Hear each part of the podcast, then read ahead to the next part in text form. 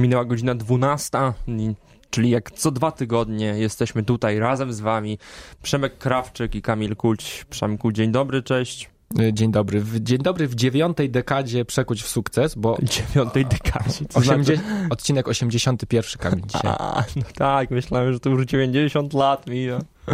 Odkąd jesteśmy w tym studiu. Nie, masz za dużo zębów jeszcze, żeby to była ta dziewiąta. Mam dalej o, dalej o jeden za mało. Y, dzisiaj, y, dzisiaj jak, co, jak co miesiąc, tak nic nie mamy gościa. I nie mamy byle jakiego gościa, dlatego że jest nim Jakub Wiech. Dzień dobry, cześć. Cześć, cześć. Zastanawiam się, jak cię przedstawiać w ogóle.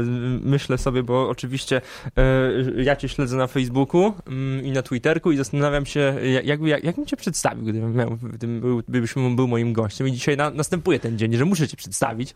I myślę, myślę sobie, kurde, no, mikroblog? Nie wiem, nie mam pojęcia, naprawdę. Jak, jak byś się przedstawił? Dziennikarz. To jest Dziennikarz. chyba najbliższa mi profesja. Studiowałeś dziennikarstwo? Przez e, bardzo krótki moment, E, tak. Tutaj w tym budynku. Tutaj w tym budynku, gdzie, gdzie jesteśmy teraz. Natomiast e, no, nie ma się tym czym chwalić, bo po prostu mm, to się zbiegło w czasie z e, pełnoetatową pracą, którą podjąłem i po prostu jestem wywalony mhm. e, po, po mniej więcej roku. E, więc to był krótki epizod, bardzo miło go wspominam, ale jednak nie przekuł się w jakiś tytuł naukowy. Nie przekuł się, w, ale przekuł się na pewno w sukces. Jakub Wiech, dziennikarz, raczej bardziej internetowy, co? Taki wolny szczelec? Tak, tak. To znaczy znaczy, no, pierwsze kroki w, w, mediach stawiałem jeszcze w mediach studenckich, które co prawda były papierowe, ale potem rewolucja internetowa szybko je przyniosła do, do, mhm. do internetu. No a taka już e, zawodowa kariera jest związana z Energetyka24, czyli portalem ściśle internetowym. E, Jakubie, to jeżeli wy macie kłopot, żeby cię przedstawić, to ja spróbuję, Przedstawię. bo w jednym z wywiadów przedstawiłeś siebie jako zielony konserwatysta. Zgadza się, tak. I teraz no, co to musisz, znaczy? Musisz się liczyć z tym, że się teraz y, przed nami wytłumaczysz, co to znaczy, bo jest to pojęcie na pierwszy rzut oka wewnętrznie sprzeczne. Właśnie nie. To jest y, y, pojęcie, które moim zdaniem jest pleonazmem. To znaczy, wszyscy konserwatyści powinni być zieleni, bo y, myśmy jako konserwatyści wyrośli z pewnego korzenia, który bardzo mocno eksponował te treści związane z ochroną środowiska, z ochroną klimatu. Pierwsi aktywiści środowiskowi, jeżeli tak można powiedzieć, ci jeszcze z początku XIX wieku, to byli konserwatyści. To byli ludzie zakorzenieni gdzieś tam w formacjach narodowych, początkujących wtedy. To byli ludzie, którzy chcieli zachować człowieka przed industrializacją cywilizacją, jaka się wtedy rozpędzała, przed rewolucją przemysłową, którzy mm, sprzeciwiali się na przykład urbanizacji, wyrywaniu e, człowieka z takiego biomu e, mhm. wiejskiego, zgodnego z naturą do mm, miejsc e, takich jak miasta i to byli konserwatyści. I ja uważam, że konserwatyzm jest świetną postawą wyjściową wobec pewnych działań na rzecz ochrony środowiska i klimatu i to, to, to że jestem zielonym konserwatystą, to jakby sugeruje mm, wprost, że ja chcę, chcę coś zachować. Ja bardzo chcę zachować pewne elementy naszej cywilizacji, które uważam mhm. za w jakiś sposób wartościowe, czy dobre, czy pożyteczne, przy Y, świadomości tego, że grozi im e, pewna skala niebezpieczeństw związanych głównie ze zmianą klimatu. To, mhm. to dlaczego w głowie mm, statystycznego Polaka, i ja też mam z tym problem, chociaż staram się świadomie od tego odchodzić, jak słyszę słowo konserwatysta, to wyobrażam sobie człowieka z grudką węgla w dłoni, a kiedy słyszę liberał, to w mojej wyobraźni się pojawia ktoś, kto przyjeżdża tutaj do studia na rowerze i jakby zabrał nas do domu, to by nam pokazał swoje solary na dachu, tak? I powiedział, no że to właśnie on jest zielony. Dlaczego? Co, co się wydarzyło? W, co się stało z nami? Co poszło świata, nie tak? Co poszło nie tak? E, poszło nie tak bardzo wiele rzeczy i tutaj zawężając tę dyskusję, bo to jest tak naprawdę opowieść o globalizacji i o pewnej konwergencji politologicznej pomiędzy e, stronami debaty publicznej, ale e, prawica, ta konserwatywna, ale nie tylko, w dużej mierze zaczerpnęła ze wzorców amerykańskich, które się tworzyły w latach 80., 90., mhm. gdzie doszło do pewnego przetasowania, bo tradycyjnie e, mm, u źródeł pewnego podziału dychotomicznego, który teraz obserwujemy w polityce, czyli prawica-lewica, mhm. to e, lewicowcy byli e, w forpoczcie pewnej industrializacji, uprzemysłowienia i tak dalej. Mhm. To widzieliśmy zwłaszcza na początku XX wieku, kiedy to Lewica rekrutowała się wśród e, e, mas robotniczych e, i tam też promowała pewne idee dotyczące tego, jak ma wyglądać świat zindustrializowany. Natomiast teraz biznes przeniósł się na mm, stronę prawicy, bo zobaczył w niej dobrego sprzymierzeńca na przykład właśnie przed radykalnymi postulatami, w sensie z, z punktu widzenia biznesu, radykalnymi postulatami lewicy w kwestii chociażby ochrony e, pracowników. I stąd e, prawica, która mocno dbała o interesy dużych przedsiębiorstw, korporacji, wielkiego kapitału, e, stała mhm. się też tą prawicą, którą w pewnej części biznes grał, na przykład jeżeli chodzi o polityki klimatyczne. To znaczy wykorzystywano polityków prawicowych, którzy oczywiście byli pełni świadomi tego wykorzystywania, do tego, żeby stopować te działania na rzecz chociażby ograniczania apetytu spółek węglowych, wydobywczych, mówiąc szerzej, i działania na rzecz ograniczenia ludzkich emisji. I to funkcjonuje funkcjonowało przez bardzo długi czas. Jest świetny materiał, żeby się z tym zapoznać. To jest są dokumenty e, tak zwanego e, Exxon Climate Controversy, czyli sprawy dotyczącej e, zachowania spółki naftowej Exxon, która po prostu przez lata finansowała naukowców związanych z badaniem klimatu. E, oni mieli zbadać, jaki wpływ e, będzie miało dalsze podnoszenie stężenia dwutlenku węgla w atmosferze na e, nasz klimat i na sytuację w naszej atmosferze. Ci ludzie opublikowali bardzo dokładny model pokazujący wzrost średniej globalnej temperatury wynikający ze wzrostu emisji i kiedy Exxon, kiedy zarząd tej firmy zobaczył ten raport, to on go utajnił. W sensie tak, te dokumenty zostały schowane, mhm. a zamiast tego, zamiast propagowania tej wiedzy, Exxon zaczął inwestować w denialistów klimatycznych, w między innymi polityków, prawda? którzy właśnie, którzy sprzeciwiali się działaniom e, na rzecz ochrony klimatu i środowiska. I to jest dobry przykład, który tak jak w soczewce pokazuje, gdzie zaczęły się te tendencje psucia prawicy w tym zakresie. Natomiast w Polsce jeszcze do, do tego doszło pewna taka lokalna specyfika. To znaczy myśmy zostali ominięci przez pewne naturalne trendy, które spowodowały wzrost takich e, liberalnych, ale też prawicowych, konserwatywnych myśli dotyczących ochrony środowiska. Nie mamy takiej prawicy jak na przykład w Niemczech, gdzie Hadecja jest dosyć dobrze zakorzeniona w ten nurt e, ochrony klimatu, chociaż no, niemiecka polityka klimatyczna to jest temat na oddzielną dyskusję, tam jest mhm. dużo wątków do krytykowania, tak. ale jednak tam ta świadomość po, po, prawej stronie jest, że trzeba coś robić z, z, z klimatem.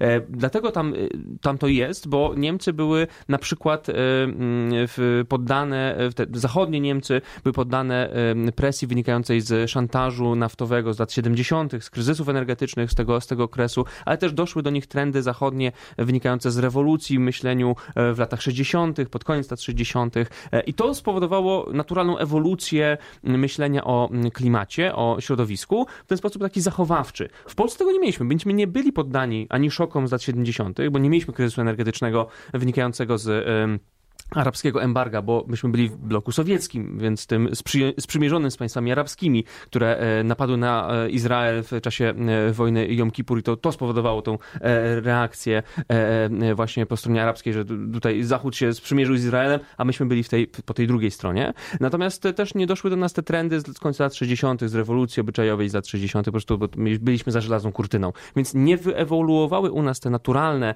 myśli o ochronie klimatu, Przyjęliśmy to po 1989 roku i prawica konserwatywna zaczęła to traktować jako element wrogi, jako coś, z czym mhm. trzeba walczyć, a nie czym trzeba Dokładnie. ulegać. Absolutnie. Wydaje mi się, że lepszej, y, że lepszej i bardziej skondensowanej odpowiedzi historycznej, y, dlaczego konserwatyści w naszym kraju y, jest najwięcej denialistów klimatycznych wśród konserwatystów, nie znajdziecie. Absolutnie. Wydaje mi się, że to wyczerpało temat i jednocześnie można by z tego zrobić naprawdę dobry short, który by może, który by jednocześnie pokazał Ale wszystkim, jak wygląda historia. Jakub, y, ja, my zaprosiliśmy z Kamilem Jakuba mm, do studia, bo ja mam wrażenie, że nikt tak dobrze w Polsce naprawdę nie walczy i nie wyjaśnia y, stereotypowych, skrótowych y, i populistycznych wypowiedzi, więc lecimy z tym dalej. Nikt Powie... nie wyjaśnia, nikt, nikt, tak nie sprząta po denialistach klimatycznych jak Jakub. Znaczy, nikt, tak, nikt tego tak nie robi, więc Jakubie, no to idąc tym tropem, powiedziałeś w poprzednim wejściu, że gdzieś w genezie tego no, konfliktu, czy czy tej obiegowych opinii, czy tej polaryzacji, jest też wpływ y, dużego y, biznesu. I znowu ktoś, kto nas słucha i no gdzieś powiedzmy przy okazji robi obiad i się skupił średnio na tym, co słucha, to sobie pomyśli, dobra, czyli winny jest kapitalizm. I teraz ja wiem, przygotowując się do tej rozmowy, że ty bardzo fajnie rozdzielasz dwa pojęcia kapitalizmu i konsumpcji. I teraz odnieśmy się do tego, czy w takim razie kapitalizm jest zły? E, kapitalizm może być zły albo dobry, to znaczy zależnie od tego, do czego on służy. To jest, pewna, e, to jest pewny wehikuł ekonomiczno-polityczny, który, tak, który, który sobie możemy zastosować do różnych rzeczy. To jest tak jak z nożem. To znaczy nożem możemy kroić masło, możemy nim zabijać człowieka. W dużej mhm. mierze to od nas zależy, do, do czego to zostanie stworzone i jak to zostanie em, w, zagospodarowane. W każdym razie warto tutaj na wstępie tych rozważań o kapitalizmie zaznaczyć, że po pierwsze nie ma prawa fizyki, które mówi, że wysoka konsumpcja bardzo mocno wiązana z kapitalizmem, równa się wysoka emisja, wysokie zniszczenie Mhm. e, klimatu czy, czy, czy planety. To nie, nie, funkcjonuje, taki, taki e, nierozerwalny związek przyczynowo-skutkowy. Mało tego, mamy dobrze e, udokumentowane już teraz dane pokazujące, że w wielu państwach świata udało się rozerwać wzrost gospodarczy od rosnącej emisji, więc możemy dalej się rozwijać, dosyć gwałtownie nawet powiedziałbym, bez takich szkód e, dla klimatu, jakie wyrządzaliśmy jeszcze do niedawna. Ale co to w takim razie jakaś te- technokracja tutaj wchodzi? Wiara w nowe technologie? Na pewno w nowe technologie tak, chociaż te technologie też nie są aż tak nowe, żeby nazywać je nowalikami, bo tu mówimy na przykład o źródłach odnawialnych, o energetyce jądrowej. To są wszystko domeny XX wieku, albo nawet starsze, no bo przecież panele fotowoltaiczne to jest y, wynalazek jeszcze XIX wieku, a wiatraki, produkcja energii dzięki wiatrowi to już No pierwsze zamierzchła. pojazdy, tak, które były elektryczne i dopiero po nich, tak. po nich weszły spalinowe, a my Tak. dzisiaj widząc tam auto z zieloną tablicą sobie myślimy XXI wiek, No tak. cywilizacja do nas Tak, przyjechała. Cywilizacja No nas przyjechała. A to nie są takie nowe rozwiązania wbrew pozorom. E, natomiast e, wracając do, do tego pytania o kapitalizm, to oczywiście e, widać tutaj pewne niszczycielskie tendencje, głównie wynikające z biznesu, e, który e, broni swojego zysku Mhm. kosztem e, nas wszystkich. To znaczy biznes i można tak powiedzieć w dużej mierze ustrój gospodarczy charakteryzujący państwa rozwinięte przez ostatnie 150 lat nie dostrzegał pewnych kosztów. Nie widzieliśmy kosztów e, m, tego procesu, który znamy jako właśnie w globalne ocieplenie. Ono wynika z tego, że zwiększamy stężenie gazów cieplarnianych w atmosferze i nie zwracaliśmy uwagi w, w rachunku ekonomicznym na koszty związane z emisją, która do tego doprowadziła. Czyli po prostu można powiedzieć, że traktowaliśmy atmosferę jako darmowy śmietnik, nie robiąc y, nic, żeby temu zapobiec. I dopiero teraz, od względnie niedawna, przyszedł pewien moment otrzeźwienia. Refleksji. Tak, no właśnie, już Czy nie, trochę nie za późno? zastanawiam się. To znaczy, Dobry wątek będzie z tak, tego, prawda? Ale to, to, to, to, to tutaj od, od razu tak krótko powiem, że to zależy od tego, co będziemy z tym robić. No dobra, ale, ale, ale, ale, ale słuchaj, bo mm, mówisz, że to nie jest wina bez, bezpośrednia przyczyna kapitalizmu, ale czy uważasz, że naprawdę wielkie e, firmy, wielkie korporacje, które, które w dużej mierze również odpowiadają, nie tylko europejskie, ale przede wszystkim chińskie uważam, e, które w dużej mierze odpowiadają za, e, za zanieczyszczenie naszej atmosfery, czy w, takim systemie kiedykolwiek zmienią swoje podejście do, do, do, do prowadzenia interesów? Mogą zmienić. Znaczy to ja uważam, że kapitalizm to nie jest y, też płaszczyzna, która powinna być właśnie pozbawiona jakiegokolwiek wpływu takich instytucji jak państwo, bo do, do, do niczego to dobrego nie doprowadzi. Y, Uważam, że pewne regulacje są wręcz niezbędne w tym momencie, żebyśmy ograniczyli ten niszczycielski wpływ dużego biznesu na e, nasz, na nasz świat. Natomiast też y, rozważając o kapitalizmie, no można się zastanowić, jakie inne mamy opcje. E, I patrząc na mm, chociażby rozwój gospodarek socjalistycznych, no to tam nie widać specjalnej e, pozytywnej Różnicy. różnicy. Bo jeżeli Tak. zobaczymy na przykład, jak się rozwijały gospodarki państw e, bloku sowieckiego, No tak. to one potrafiły niszczyć środowisko znacznie bardziej niż gospodarki To kapitalistyczne. E, I co, co więcej, tam. Kluczową kwestią było rozmycie odpowiedzialności. W kapitalizmie, czy, czy powiedzmy w- wolnorynkowej gospodarce, jednak ta odpowiedzialność jest dosyć łatwa do wyegzekwowania. Tymczasem w gospodarce przesyconej tym e, etatyzmem, no to jednak państwo musi kontrolować państwo, żeby działało dobrze państwo, e, co sprawia, iż e, trudniej jest moim zdaniem wyegzekwować odpowiedzialność, co widzimy po historii właśnie tych, tego bloku, bloku socjalistycznego. Ja stawiam taką tezę, że kapitalizm to jest dobre narzędzie, paradoksalnie, do walki z globalnym ociepleniem, tylko musi być odpowiednio użyte, musi być e, w, o, w- osadzone w pewnej osnowie regulacyjnej, tak żeby e, unikać pewnych negatywnych e, zjawisk związanych z tym, z tym mechanizmem gospodarczo-politycznym, jednocześnie, żeby kierunkować pewne bardzo efektywne mechanizmy, które są jego elementami, do walki z globalnym ociepleniem. Czyli technicznie wracamy do porównania, do porównania kapitalizmu do noża, po prostu.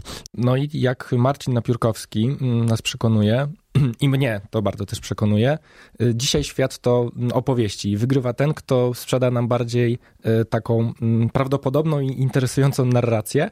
No i jak się spojrzy na media różne, to mamy dzisiaj starcie dwóch narracji. Jest narracja mm, katastroficzna, która mówi, że no, mm, pokpiliśmy sprawę, mm, że poprzednie pokolenia no, przekroczyły Rubikon, e, te zmiany i szkody wyrządzone środowisku są tak duże, że e, w zasadzie no, sprowadziliśmy zagładę na ludzkość. I to jest narracja numer jeden, którą można znaleźć. Jest druga narracja, która mówi, a dajcie spokój. Przecież my jako ludzie nie mamy na to wpływu, to są ogromne ogromne procesy, e, które się dzieją od miliardów lat i w zasadzie e, no my jesteśmy bardzo buńczuczni, że uważamy, że my mamy na to jakiś wpływ. Słuchajcie, no będzie trochę cieplej, jak e, powiedział jeden z bardziej znanych, niestety, polityków, nie będę mówił jak się nazywa, no ale ma na imię, znaczy zaczyna się jego imię od Janusz, a kończy na Mikkę, powiedział, super, jak w Polsce będzie cieplej, no to założymy sobie hodowlę pomarańczy i, i na, nie będzie problemu z tym, że mamy drogie, drogie cytrusy, nie? No więc y, gdzie Jakub Wiech, y, jeżeli słucha nas ktoś, kto pierwszy raz dzisiaj ma z tobą styczność, gdzie się ty pozycjonujesz? Y, gdzie jest ta jednak narracja? W tym, w tym starciu tych dwóch, moim zdaniem, głównych dzisiaj no, narracji, prawda? Ja myślę, że tych narracji jest dużo więcej i y, ta taka dychotomia, chociaż rozumiem, co ma na, y, za zadanie zrobić, oczywiście, bo tutaj pokazać tą pewną polaryzację, moim zdaniem jest niepełna, bo, bo tych narracji nawet w, w obrębie samych tych, powiedzmy, y, takich katastrofistów jest dużo więcej. Mhm. natomiast gdzie się ja pozycjonuję? Ja po pierwsze, no, jakby uważam, że kluczowym narzędziem do tego, żebyśmy poznali rzeczywistość jest metoda naukowa, która nam bardzo dobrze pokazuje, co się dzieje chociażby z naszą atmosferą. E, I mamy ogromne ilości danych pokazujących przede wszystkim, że globalne ocieplenie jest faktem, że zachodzi, że jest to proces z bardzo wielu względów wyjątkowych, jeżeli spojrzymy na historię geologiczną Ziemi, że e, jest ono spowodowane przez działalność człowieka. Tak, ja jako geolog dodam, że słowo tempo jest tutaj kluczowe. Tak, prawda? Tempo no bo... i zakres tych zmian, które zachodzą teraz w naszej atmosferze, to jest coś absolutnie wyjątkowego, jeżeli chodzi o znane nam takie incydenty z historii naszej planety. E, I to tempo wskazuje, że e, za tym zjawiskiem, jakie obecnie postępuje w naszym klimacie, stoi jakiś dodatkowy, nowy czynnik, który wcześniej nie miał przełożenia na, na atmosferę Ziemi. Tym czynnikiem jest e, człowiek, jego gospodarka, jego, jego emisje gazów cieplarnianych. Więc e, nauka jest bardzo zdecydowana na tym polu. Znaczy, e, naukowcy już wychodzą nawet z takiego mm, e, bardzo zrozumiałego na gruncie nauki, a jednak e, może nieintuicyjnego społecznie e, zachowania, że nigdy nie mówimy niczego na 100%, mhm.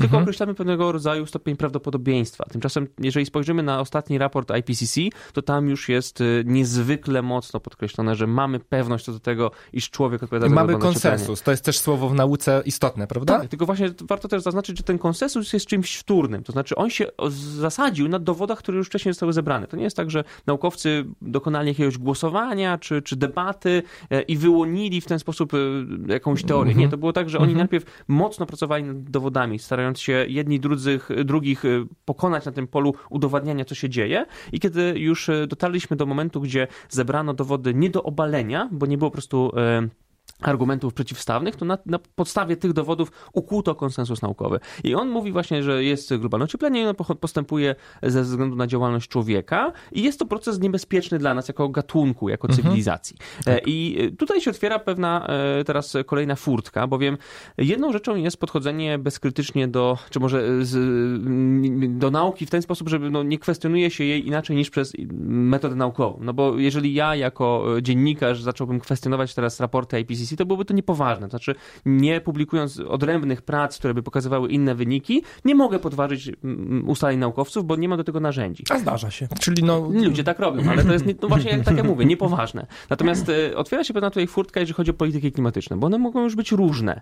E, one mogą różnie e, działać na, na polu e, tego, co chcemy osiągnąć w atmosferze. Jedne są dobre, inne są gorsze. Natomiast to już otwiera pewne też drogi do krytyki z, z perspektywy E, innych niż naukowe, to znaczy bardziej może zasadzonych na pewnej emocji społecznej, która jest też zmienna, bardziej zasadzone na pewnym właśnie wyczuciu tego, co się dzieje w naszych społeczeństwach, jeżeli chodzi o recepcję tych polityk. Bo to jest coś, co czasami e, moim zdaniem media odbierają znacznie lepiej niż politycy, czy e, niż naukowcy. I szybciej. I szybciej, bo właśnie są wyczulone, są takimi sejsmografami tej reakcji społecznej, bardzo szybko potrafią wychwycić. Ale to jest znowu też temat na taką dyskusję, kto jest dobrym autorem polityk klimatycznych, jak one powinny być przyjmowane. Natomiast e, odnosząc się do jeszcze pierwotnego pytania, ja uważam po pierwsze, że mamy niezwykle poważne zagrożenie wiszące nad nami, ale jeszcze nie jest za późno, żeby zapobiec przynajmniej większości jego konsekwencji. Część z nich jest już teraz obecna w naszej rzeczywistości, musimy się do niej zaadaptować,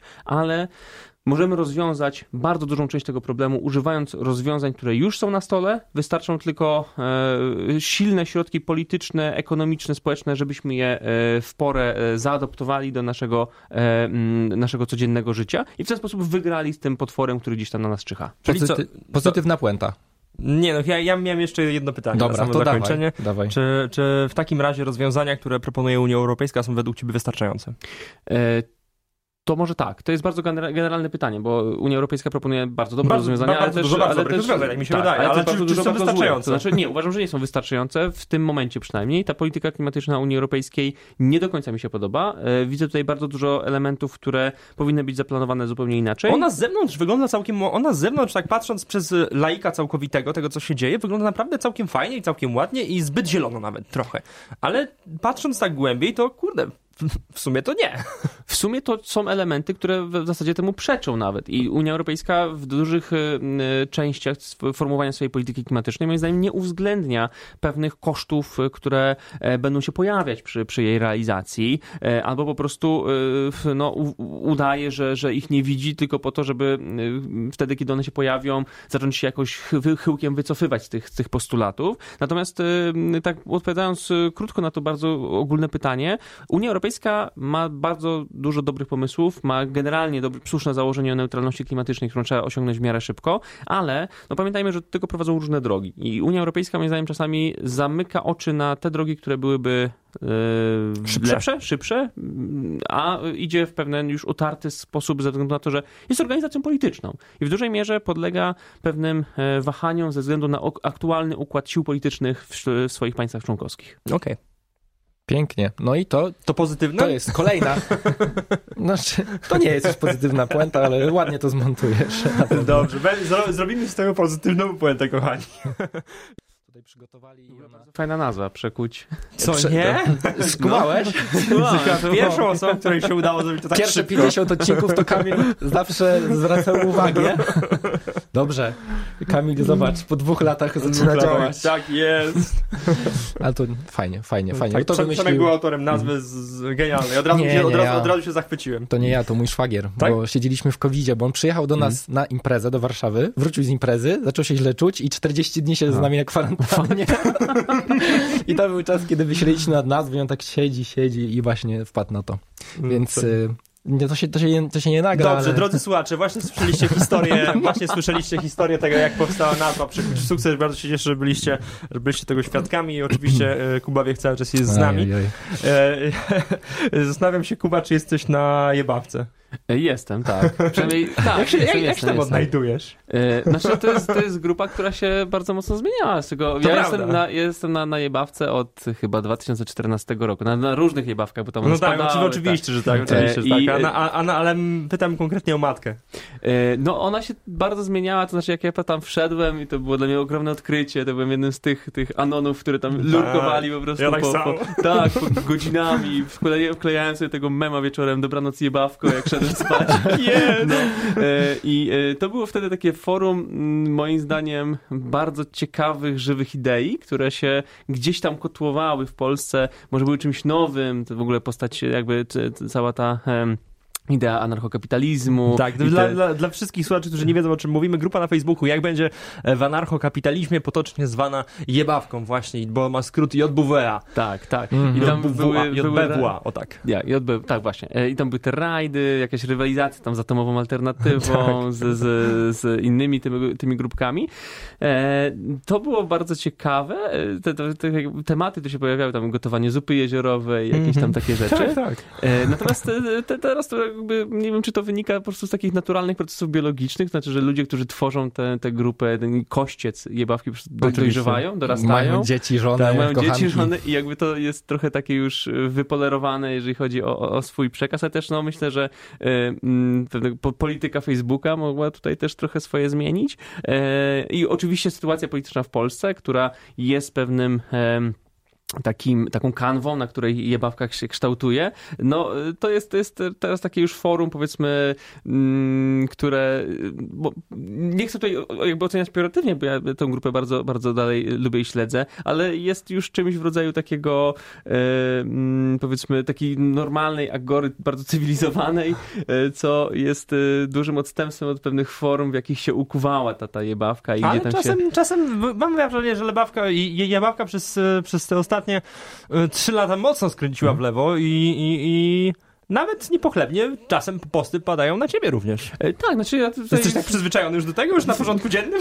No, powiem tak, no, jeżeli się siedzi na Twitterze i się tylko, tylko czyta, co tam się dzieje, że, że śnieg pada i wszyscy mm. mówią, że jestem debilem, bo no, dlaczego śnieg pada? I wklejają ci tak. tweeta prezydenta, tak? tak to... Sprzed, sprzed 8 lat. No, no to, to już można do tego przywyknąć, tak? Ale e, jakby ja jestem otwarty na taką krytykę pod warunkiem, że jest merytoryczna. Znaczy, nie, nie lubię takich zagrań typu, że ktoś wysuwa jakiś argument, na który nie ma poparcia, rzuca nim, ja proszę go, żeby go uargumentował jakimiś dowodami, nie wiem, żeby pokazał mi, co, co ja robię nie tak i on wtedy mówi, że no, jak chcesz, to sobie tam sam sprawdź i, i mhm. chowa się w piasek, a ja potem zostaję jakby z oskarżeniem rzuconym pod moim adresem, które nie jest poparte do dowodo, dowodami. Ale i... do tego nie jest, jest gdzieś tam yy, yy, no, rzucone w tło i zostaje tak, tylko oskarżenie no, no tak, i nic więcej. To jest taki charakter killing, w sensie tak. właśnie nic, nic więcej, e, a ja lubię czasami podyskutować o tym, co ja robię źle e, i nie mam z tym problemu, natomiast e, jeżeli ktoś chce po prostu mnie trochę poobrażać albo ewentualnie zasiać trochę taką taktykę właśnie fear, uncertainty and doubt, żeby, żeby może jakoś coś zmącić mój, mój odbiór, no to to jest dla mnie niefajne. To ja wolę, żeby ktoś mi powiedział,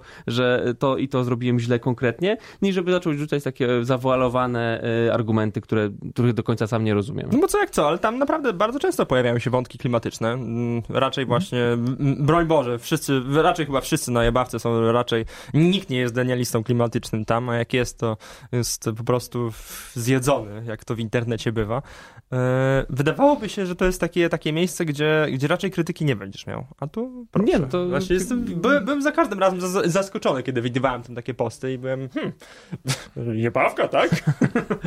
Pamiętam, moja pierwsza inba na jebawce to była inba, mm, z której jeden z moderatorów tej takiej powiedzmy pierwszej matki, e, ja wtedy byłem pochwalę się, studentem prawa.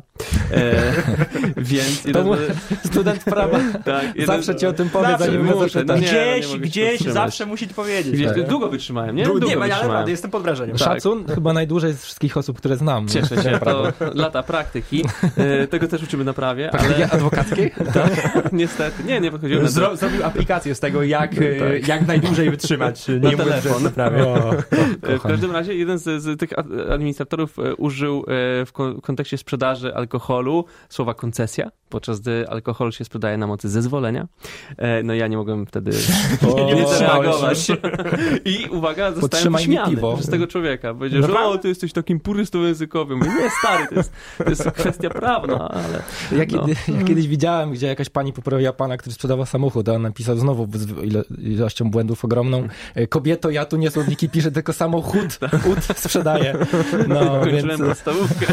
Tak.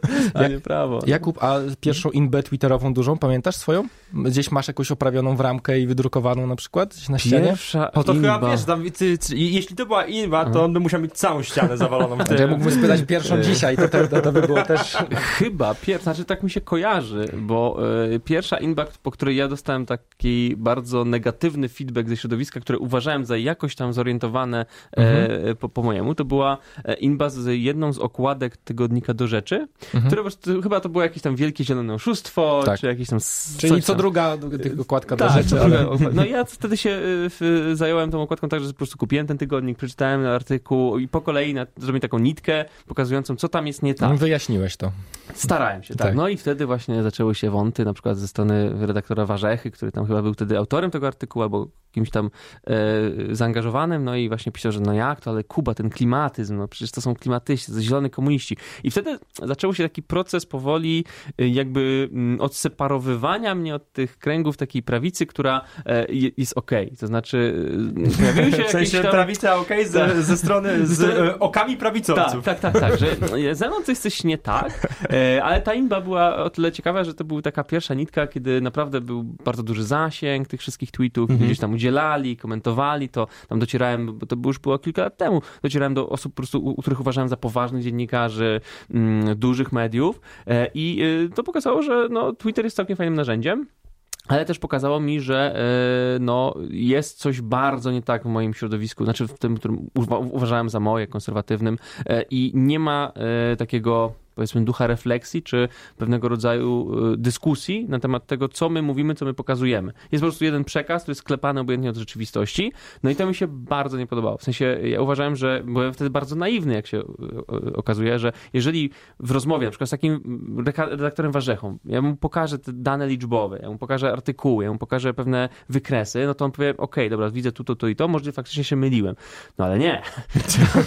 on widzi te artykuły i mówi, nie, to jest lewackie, to mi się nie podoba cyfry nie są lewackie miałeś, wykresy. Miałeś tak, tak. Że, że wtedy ci szacunek do warzechy gdzieś tam zmalał, czy, czy nigdy nie było w tobie szacunku do warzechy? Nie, znaczy ja staram się szanować generalnie wszystkich ludzi, mhm. obojętnie od tego, kim, kim są, natomiast y, wtedy uznałem, że no zawiódł mnie ten człowiek z tego względu, że ja go kojarzyłem bardzo mocno z tej jego działalności, powiedzmy, y, jako publicysty politycznego, który przez długi czas był jednym z wiodących dziennikarzy w Polsce, w takiego, powiedzmy, szeroko I bardzo fajnie robił tak. zresztą swoją, I, swego czasu, tak, naprawdę. Tak, ja... oczywiście. To, to, to y, było całkiem porządne dziennikarstwo i wielu e, ludzi, którzy, których, których znam, którzy zaczynali, powiedzmy, może trochę wcześniej niż ja przygodę dziennikarstwem, wzorowało się na Łukaszu Warzesze. Mhm. Po prostu on dobrze pisał. I... Zresztą, zresztą mhm. dalej mówię, że, że na zajęciach z dziennikarstwa, tutaj również na UW, gdzie się znajdujemy, również Warzecha ze swojej, ze swojej wcześniejszej, y, ze swojej wcześniejszej y, kariery dziennikarskiej jest pokazywany jako idealne przykłady niektórych rozwiązań, które się w dziennikarstwie znaczy, no stosuje. Można w rozmowach z, z gośćmi, w rozmowach z gośćmi, mhm. w, w, w, argumentacji tego, co robi,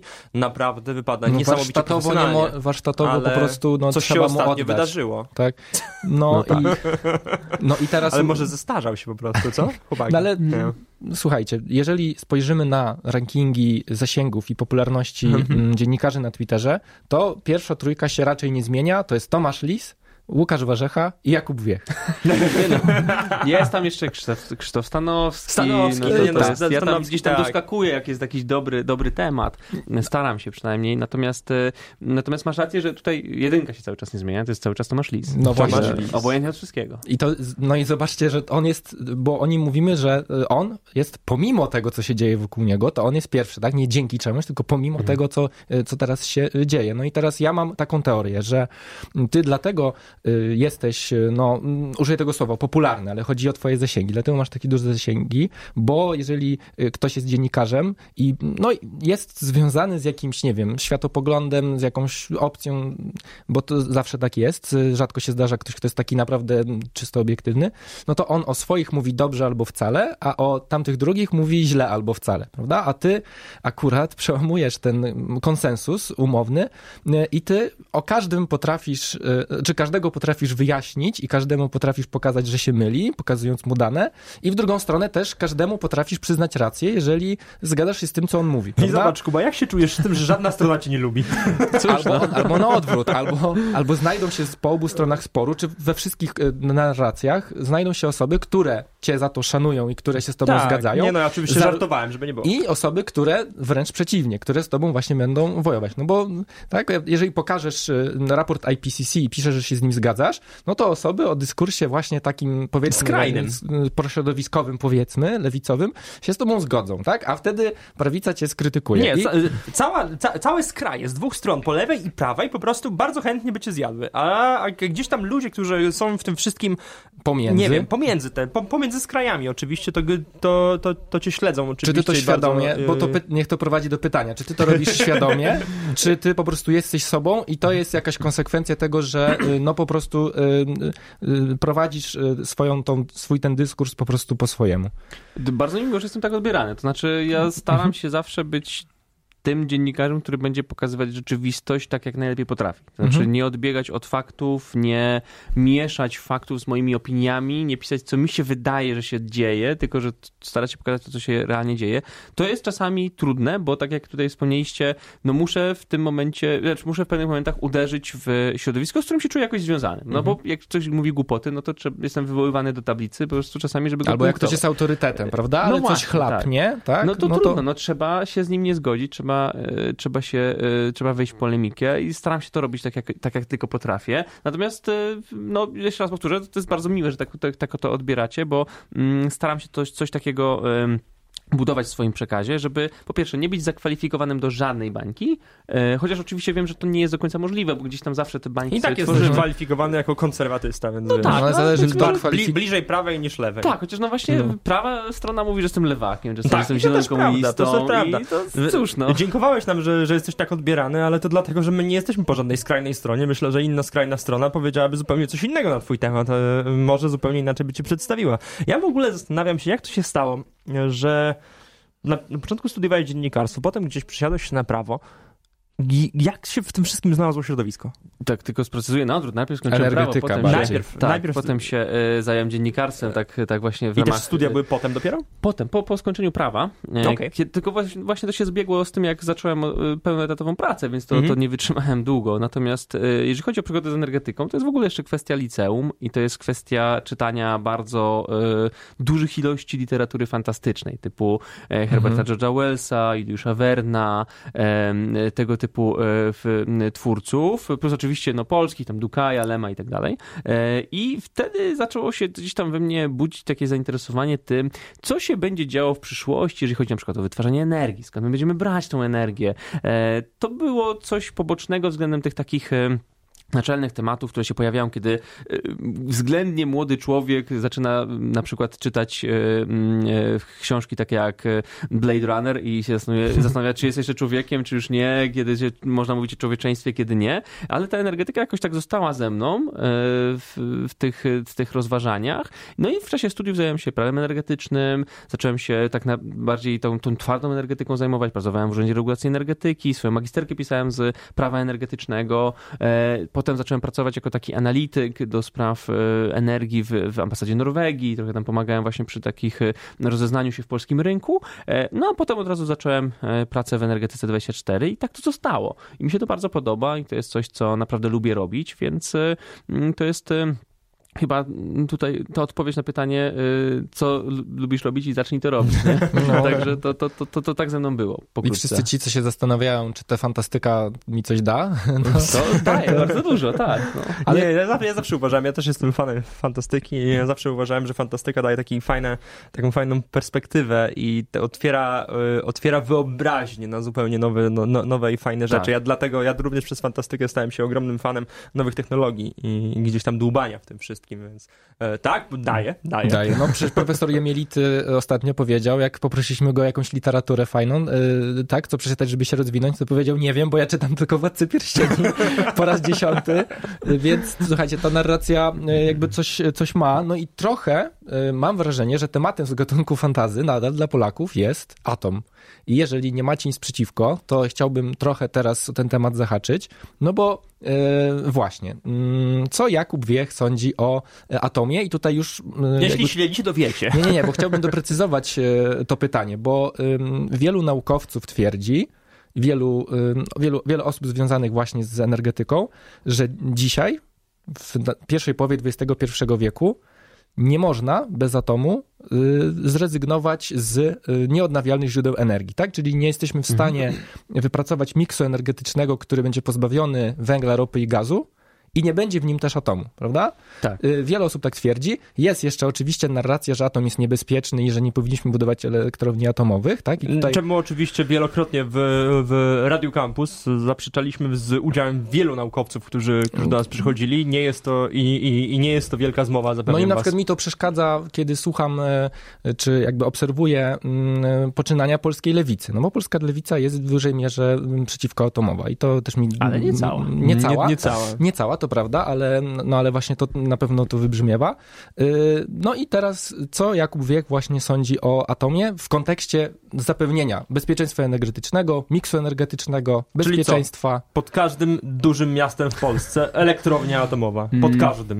W zasadzie to nie jest taki nierealny scenariusz, pod warunkiem, że rozwiną się małe reaktory jądrowe, które będą funkcjonowały właśnie takie, jako, jako powiedzmy takie jednostki wyspowe, czyli mogą zastąpić y, chociażby y, elektrociepłownie, które są teraz teraz na węglu czy na gazie. Albo tak jak Ameryka myślała przez, a i, i, i zresztą zostało przedstawiane to wielokrotnie w, w różnych dziełach literackich, między innymi grach, Fallout, co- coś takiego, e, gdzie samochody nawet jeżdżą Tak. na atom. E, Z reaktorem. Nucleon. To tak, był, właśnie, był projekt, Nucleon, tak taki jest. projekt. E, natomiast e, jeżeli chodzi już o polski atom, to jest e, opowieść, e, to jest taki trochę thriller polityczny, Mhm. e, ale też opowieść o dużej nieudolności naszego państwa.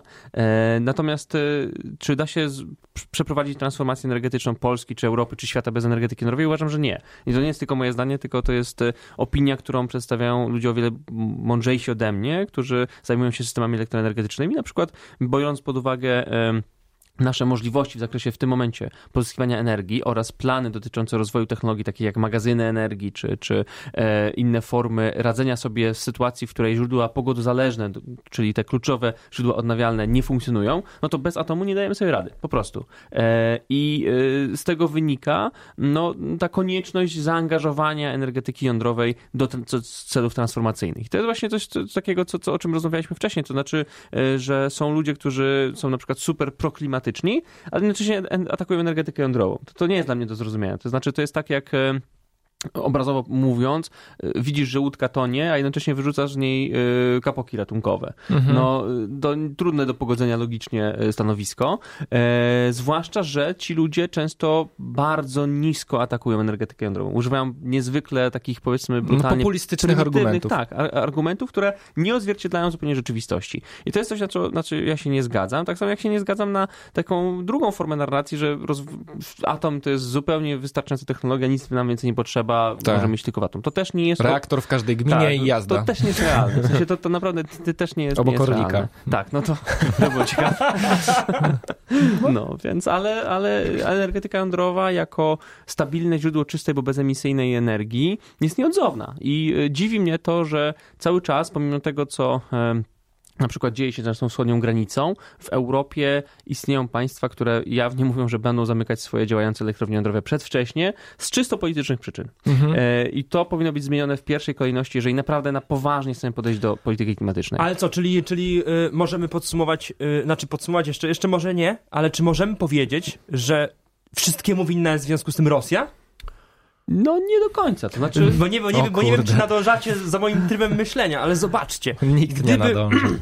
Gdyby nie Czarnobyl, gdyby tam się nic nie wydarzyło, gdyby ta elektrownia sobie kulturalnie działała, a Rosjanie byli odpowiedzialnymi ludźmi, którzy, któ- któ- którzy nie popełniają tak y, kardynalnych błędów, jakie popełnili w Czarnobylu, czy Mhm. dzisiaj mielibyśmy więcej elektrowni atomowych? Na pewno byśmy Na mieli pewno więcej. byśmy tak, mieli nie, to załamanie przemysłu jądrowego po katastrofie w Czarnobylu jest widoczne. Jest widoczne na wykresach. Tak, Mhm. tak, tak. To, to, to, jest, to jest fakt, więc y, na pewno byśmy mieli Czyli wszystkiemu więcej. są winni Rosjanie. W dużej mierze, oczywiście, tylko że y, od Kamil, ty Czarnobyla... wejdź na Twittera, bo ty, ty umiesz, ty umiesz, ty jakbyś to pisał, co ty mówisz, To się sprzeda, to się, to się Przebijasz ta, ta Guinnessa narracja się sprzeda. roku. E, No. Ale to też y, jakby nie można tak y, jednoznacznie tego oceniać, bo duża część odpowiedzialności jest jednak na elitach pozorosyjskich. Elitach, które jakoś nie potrafiły się otrząsnąć po tej traumie Czarnobyla, albo które wykorzystały tę traumę do No formułowania właśnie, własnych polityk. Właśnie o to chodzi. Właśnie myślę raczej, że one, o, wszyscy, wszystkie elity, które, które dzisiaj z nami, które są właśnie przeciwko ener- energetyce klimatycznej, czy może w ogóle podając przykład, nie, znaczy dobra, nie, no, ale Niemcy są dobrym przykładem w tym wszystkim, bo oni tam odchodzą, od te, no, tam elity ewidentnie działają przy, przeciw temu wszystkiemu, e, to gdyby, gdyby nie mieli takich argumentów, których, którym mogliby szastać na lewo i prawo, to nie udałoby się to nigdy, bo nigdy by nie przekonali społeczeństwa do tego, że to jest, że to jest w ogóle re, jakkolwiek. Y, I tak i nie. Znaczy ruch, ato- a ruch antyatomowy istniał przed Czarnobylem. No i to też był- się mówiło o tym, że to nie- niebezpieczne. Tak, Oczywiście, że to tak. był, ale to był ruch związany, tak jak Greenpeace. No, y, w- Greenpeace wyrósł jako organizacja gdzieś tam na, na początku lat 70. na kanwie testów broni jądrowej.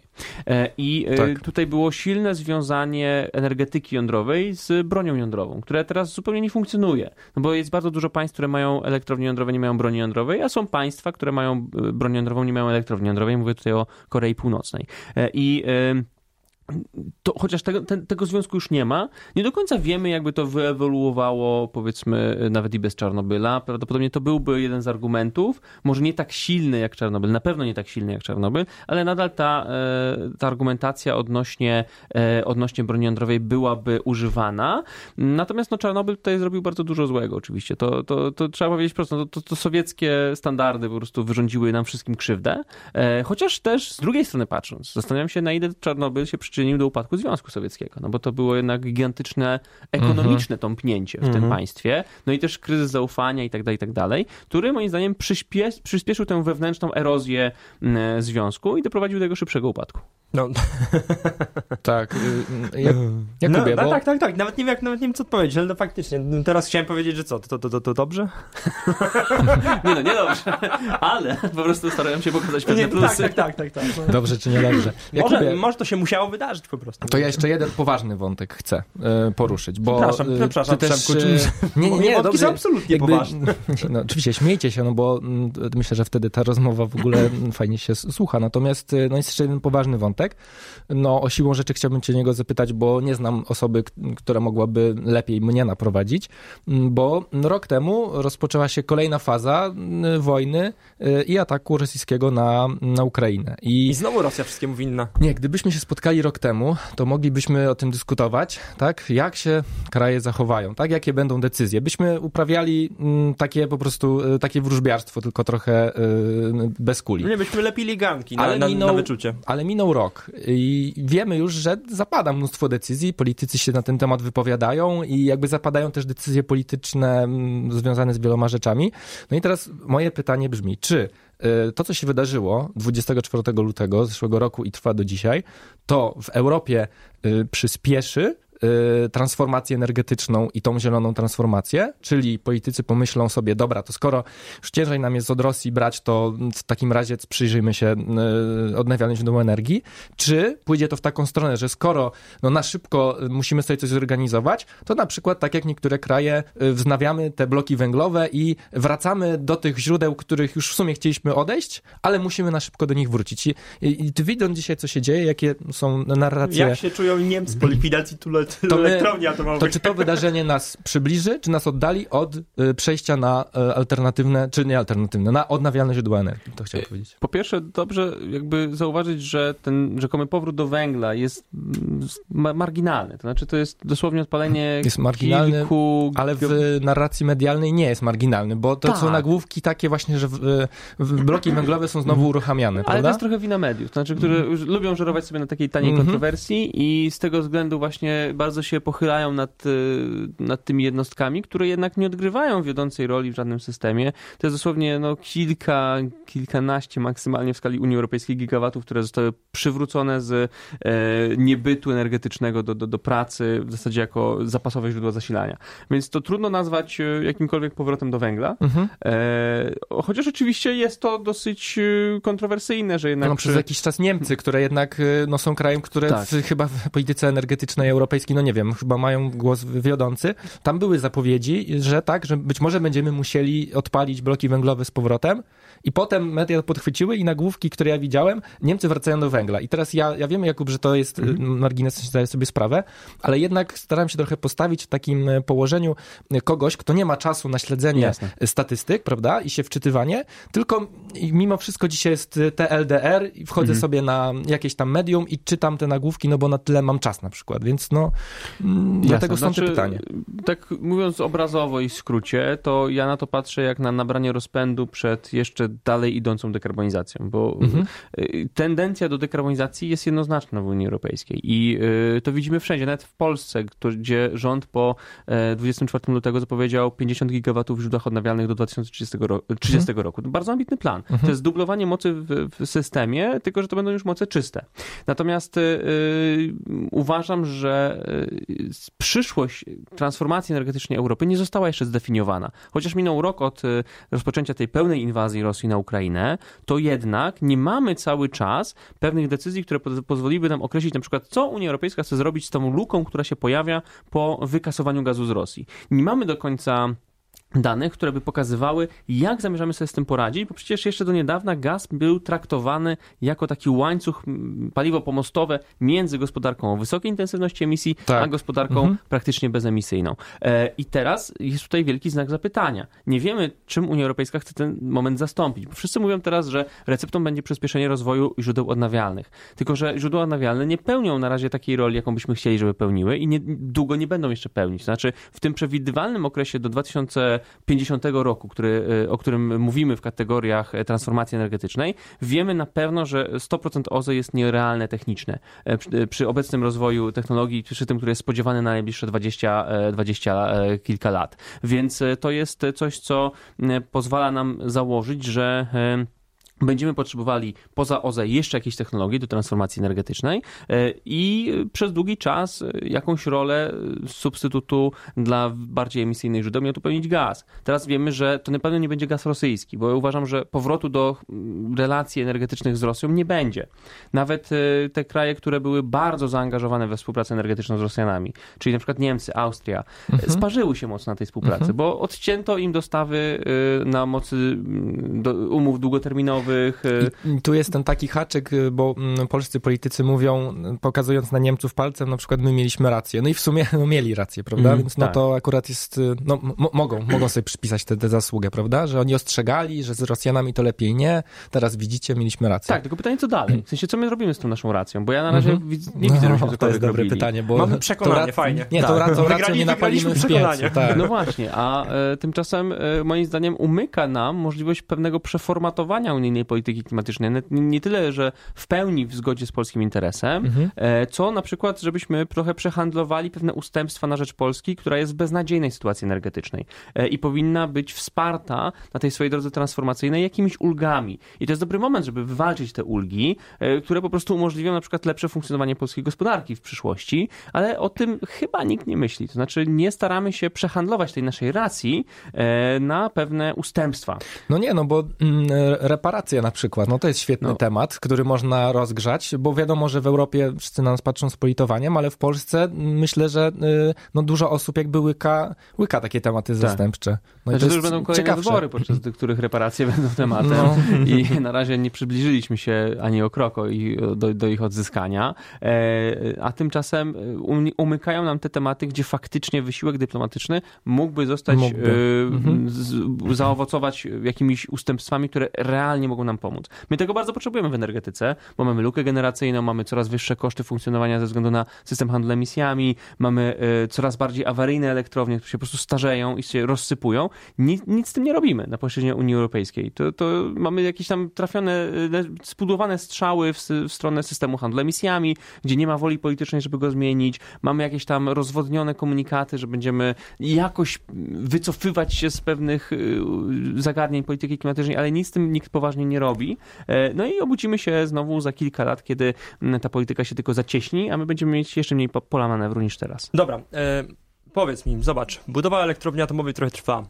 Czy realnie, tak szczerze mówię, tak, tak szczerze, żebyś nam powiedział, czy realnie wierzysz jeszcze w to, że energia jądrowa będzie dla nas e, odpowiedzią na, na, na problem i że to jest możliwe politycznie również? Czy, czy, wie, czy wierzysz w to, że to nastąpi w pewnym momencie? Tak, znaczy takie państwa jak Bangladesz sobie radzą z budową elektrowni jądrowej, Słowacy sobie radzą z budową mm, elektrowni jądrowej. No, Ale nie mówimy o jednej, mówimy tu naprawdę o, o tym, żebyśmy, żebyśmy potrafili całe państwo nasze o, o, oprzeć o energię atomową. Znaczy, nikt nie mówi tutaj o oparciu całego państwa. W sensie chodzi o to, żeby atom był w miksie. To, czy będzie go 20 czy 30%, nie jest aż tak ważne jak fakt tego, że postawimy tą jednostkę, bo potem będzie łatwiej budować kolejne. Jak już będziemy mieć jedną, to naprawdę potem znacznie prościej dostawiać kolejne reaktory, nawet w tej samej e, miejscowości, w tej samej lokalizacji i dzięki temu rozbudować swój park jądrowy. I to jest możliwe. Oczywiście, my nie jesteśmy gorsi niż Słowacy czy, czy, czy Bangladesz i... Yy, powinniśmy iść w tym kierunku bardzo zdecydowanie. Nie idziemy z różnych względów,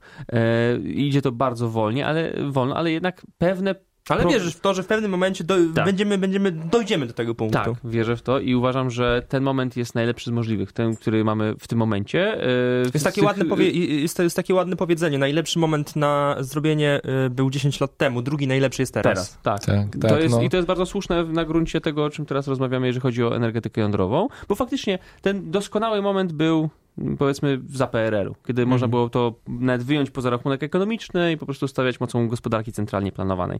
Teraz tego nie zrobimy, ale teraz bardzo potrzebujemy takiej jednostki i mamy do tego niezwykle przychylny grunt polityczny w Unii Europejskiej, więc powinniśmy w tym iść pełną parą. I też chyba nastroje społeczne, bo jak się teraz bada Mhm. nastroje na przykład właśnie atomowe, To są jedne z lepszych od nas, e, to prawda. to są chyba najlepsze w historii, to znaczy najwięk, największa ilość badanych procentowo opowiada się za tym, jakby uważa, Mhm. że powinniśmy e, inwestować w atom, budować elektrownie atomowe, więc no moment jest chyba Tak. z wielu, e, z wielu tych kierunków wieje cie- ciepły cie- wiatr. Ciekawe jest to, że nie wszyscy dostrzegają to, jak duże poparcie jest e, e, energii jądrowej w, e, w Polsce, głównie przez media społecznościowe, które tworzą bańki po prostu, No bardzo tak. duże. I, i, I przez to mogą bardzo łatwo występować protesty, które by może nie wystąpiły za PRL-u, mimo, mimo, mimo równie, może, rów, mo- może nawet większych, większych złych emocji odnośnie, odnośnie atomu. A, a, a, teraz możemy ich mieć naprawdę bardzo dużo. Obok, tuż obok bu, placu budowy praktycznie. Tak, Mhm. no i też Przez warto, warto dodać, że mamy całkiem bogate państwo, jeżeli spojrzymy na jego historię przez ostatnie powiedzmy 150 lat.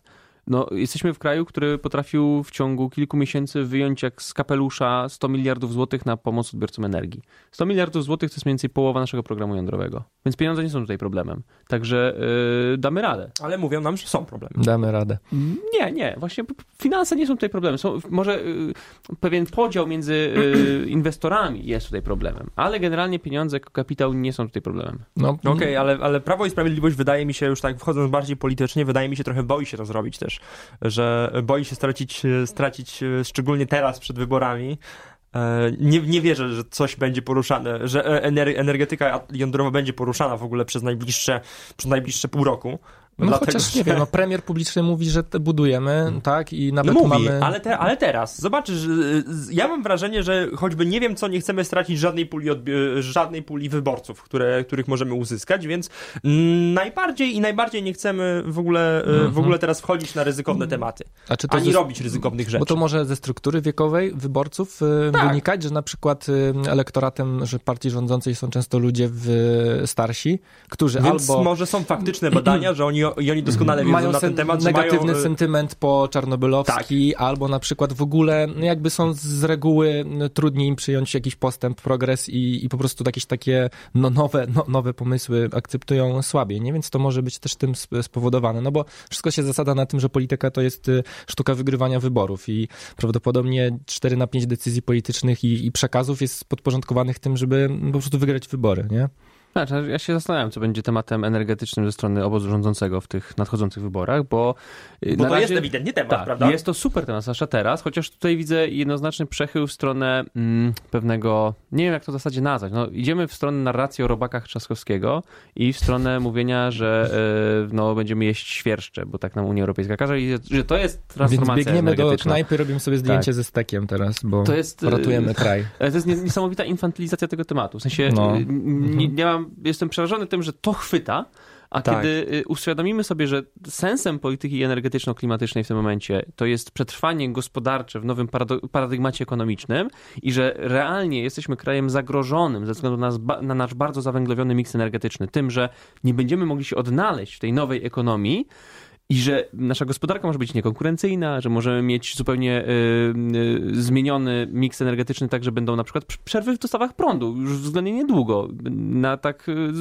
codziennie, powiedzmy w Żeby Polsce. nie było, już były zapowiedzi dla firm, że będziemy regularnie musieli odcinać prąd, No właśnie. e, e, e, energię I e, to są tematy.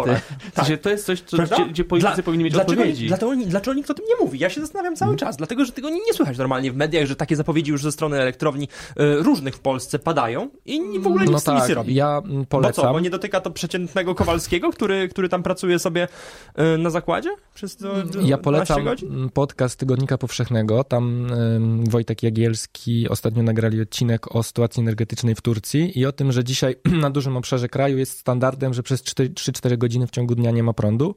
Y, I to jest y, właśnie efekt y, y, zaniedbań kilkudziesięcioletnich y, i oparcia się w 80 paru procentach o, o węgiel.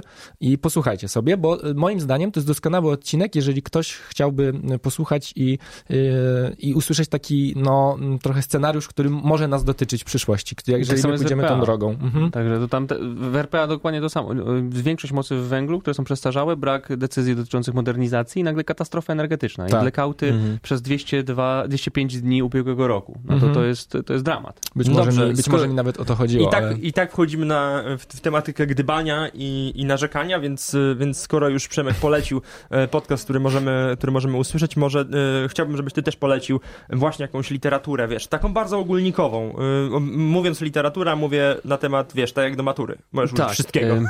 Hmm, to y, jeżeli chodzi o taką ogólnikową literaturę, to polecam wszystkie dzieła Wacława Smila. To jest taki autor, który się zajmuje energetyką, zwłaszcza e, Energy and Civilization. Nie wiem, czy to wyszło w Polsce, e, ale Zaraz jest to sprawdzę. bardzo dobra książka, która prowadzi czytelnika za rękę, jeżeli chodzi o y, o to, jak energia, energetyka, energia, szczerze mówiąc, wpływała na nasze życie. W sensie, jak myśmy budowali naszą cywilizację i nasz dobrobyt, nasze współczesne życie, dzięki intensywnemu zwiększaniu y, produkcji energii. Są też takie jego bardzo fajne artykuły, które na przykład pokazują, jak zmieniały się wojny przez pryzmat energetyki. Znaczy, ile energii potrzebowaliśmy za czasów Napoleona, żeby prowadzić wojnę, a ile teraz potrzebujemy. Jaki to jest gigantyczny wzrost. W sensie okazuje się, że konflikty zbrojne to jest coś niesamowicie energochłonnego.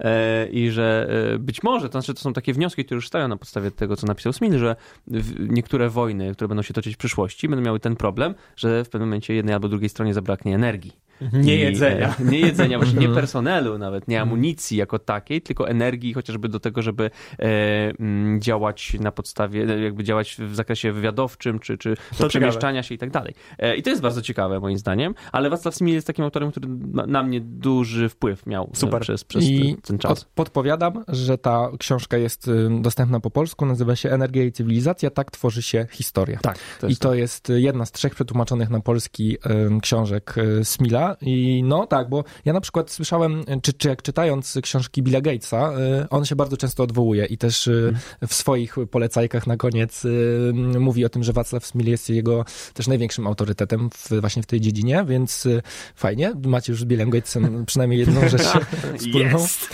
Y, Pewnie oprócz szczepionki jeszcze mm, covidowej, ale jeszcze jest drugie pytanie, które Mhm. każdemu z naszych gości zadajemy i to jest pytanie o jakieś narzędzie, y, na przykład aplikację, której używasz na co dzień, która pomaga ci się zorganizować, robić to, co robisz, prowadzić jakieś własne projekty, więc czy jest coś, no nie wiem, może związanego z Twitterem, skoro jesteś tak na nim mocno obecny dzisiaj? Y, Nie mam takiej aplikacji. Znaczy, ja mam bardzo prosty kalendarz, który mam Mhm. po prostu w notatniku i sobie to wszystko tam No. notuję. To jest bardzo E, częsta odpowiedź swoją drogą, że naprawdę bardzo często nawet nie żadne wymyślone aplikacje, nic, żadne planery, tylko po prostu kalendarz. Tak. Tak, No, i to to jest, to, jest, to jest wszystko, jeżeli chodzi o taką samoorganizację, y, no bo jakby, nie wiem, nigdy się nie przekonałem na przykład do kalendarza Google'a czy czegoś w tym stylu, po prostu jakoś mi to... A coś, co ci na przykład, nie wiem, po, pomaga w znalezieniu jakichś konkretnych danych? Jak przeszukujesz setki publikacji książek, to masz coś, co ci pomaga, nie wiem, ekstrahować na przykład? Czy wszystko czytasz od deski do deski? Nie, no to nie miałbym czasu. No nie- właśnie, nie a to może tutaj coś. E, Ale e, w, jeżeli chodzi o takie wyszukiwanie danych, to ja po prostu mam mm, albo autorów, albo portale, gdzie wi- wiem, gdzie szukać. Znaczy, Mhm. katalog takich danych, które, które, które mi są potrzebne w pracy, jest dosyć zamknięty,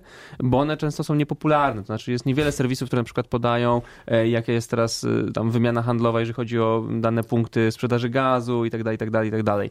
Więc e, to jest dosyć ograniczona pula, no ale są te. Dane otwarte, bardzo często po prostu wystarczy znać źródło, żeby po nie sięgać. Na Mhm. przykład e, strony takich organizacji jak e, ENCO i e, czy, czy mapy dotyczące realnego przepływu gazu w punktach wejścia do europejskiego systemu. No to to jest coś takiego, co czasami sobie rzucam oko, okiem, żeby po prostu sprawdzić jakieś dane, policzyć coś i tak dalej. E, No ale to jest bardzo specjalistyczne, w sensie tak na takim codziennym, publicystycznym życiu, no to nie jest może przydatne. To jest dla dla dziennikarzy branżowych, którzy po prostu są w stanie poświęcić trochę czasu, żeby to, to rozgryźć, wgryźć się w to. No to są takie jakby e, elementy, narzędzia naszego, naszej pracy dziennikarskiej w Energetyka 24. Kiedyś mój współprowadzący audycję w Radio Campus, y, Filip, zapytał, e, zapytał DJ-a z kolejnej audycji, która była po naszej, e, e, swoją drogą basy tropikalne, jeśli słuchacie, je- jeśli, jeśli, słuchasz, to pozdrawiamy. E, jak wyszukujesz nowe, Kawałki. nowe kawałki do tego, do, do tego? Przecież, kurde, to, to nie są popularne rzeczy, to nie są ten... I powiedział dokładnie to samo, co Kuba. No to, ja już wiem, gdzie szukać po prostu. Ja znam szukać. ja znam wytwórnię, wiem, gdzie kto wydaje jakie rzeczy i po prostu, może nie wszyscy o tym wiedzą, ale ja po prostu wchodzę, znajduję, puszczam. Po- Spodoba mi się Elo. To nie jest długie, długie przygotowanie wcale. Wystarczy tylko wiedzieć gdzie i wiedzieć jak i wiedzieć kiedy. Tak, ale to... Tak to działa. No to na koniec to ja wam podpowiem, bo ostatnio czytałem ciekawą, ciekawą rzecz, że Google em, wzbogacił Google Scholara i też są do tego No takie właśnie myślałem, że dedykowane... padnie w końcu Google Scholar, ale już dobra. Myślałem, że chat GPT te padnie, ale to... Tak, no bo Google Scholar teraz jest też właśnie powered by AI i to jest ciekawe, że właśnie jak wpiszemy jakieś zapytanie, to on przeszukuje bazę, która jest w Google Scholarze, czyli no milionów publikacji i książek i słowa kluczowe wyłapując, y, możecie zadać mu pytanie, tak, y, jak wygląda, jak wygląda w ostatnich 20 latach, tak, przesył gazu z Rosji do Europy, tak, i wpisujemy takie zapytanie i on we wszystkich tych publikacjach tego szuka i nam robi taką fajną notatkę. Ostatnio też słyszałem, Świetne. Szymon Jadczak z tego korzysta, A, y, ale y, chwalił przykład się. Tak odniosę się tylko krótko, bo ja miałem y, przygodę z chatem GPT, że chciałem właśnie sprawdzić jego, jego możliwości i zadałem mu takie pytanie, Mhm. jakbyś opisał sukcesy y, transformacji energetycznej Polski. On wystawił taką laurkę, że Polska tak, super się rozwija. Mówię, wow! Ale jakbyś po, pokazał, Panie premierze, podał, to pan? jakbyś podał, jakbyś podał, jakbyś napisał w prompcie, żeby odniósł się e, zarówno krytycznie, jak i, e, jak i pozytywnie do tego, to by napisał fajny, fajny artykulik na ten temat, więc Tak, znaczy, wszystko chodzi o prompt. To, to, to kiedyś może mnie zastąpić, to, to, to No. narzędzie. Natomiast y, ja jak patrzyłem, jak go tak testowałem trochę, trochę tam y, chciałem, żeby naginał rzeczywistość nawet, no to nie, to, to jest Mhm. moim zdaniem pozbawiony tego takiego najbardziej analitycznego e, narzędzia, e, które na chłodno. tylko jest właściwe człowiekowi, jakieś tam Mhm. osadzania tych danych w pewnym kontekście. No. Także Ale super. To y, moi drodzy, w takim razie mm, powoli zmierzamy do końca. Ja obserwowałem z niekrytą przyjemnością Kamila Kucia, bo jak Jakub podpowiadał, to Kamil, y, no właśnie, za, zakończę ten odcinek słowami znajdźcie sobie kogoś, kto będzie patrzył na was tak, jak Kamil Kuć patrzy na Jakuba Wiecha. Dziękuję. Dziękuję bardzo serdecznie, dzięki, dzięki serdecznie. Trzymajcie się i do usłyszenia w kolejnym odcinku już za dwa tygodnie. Pa, pa.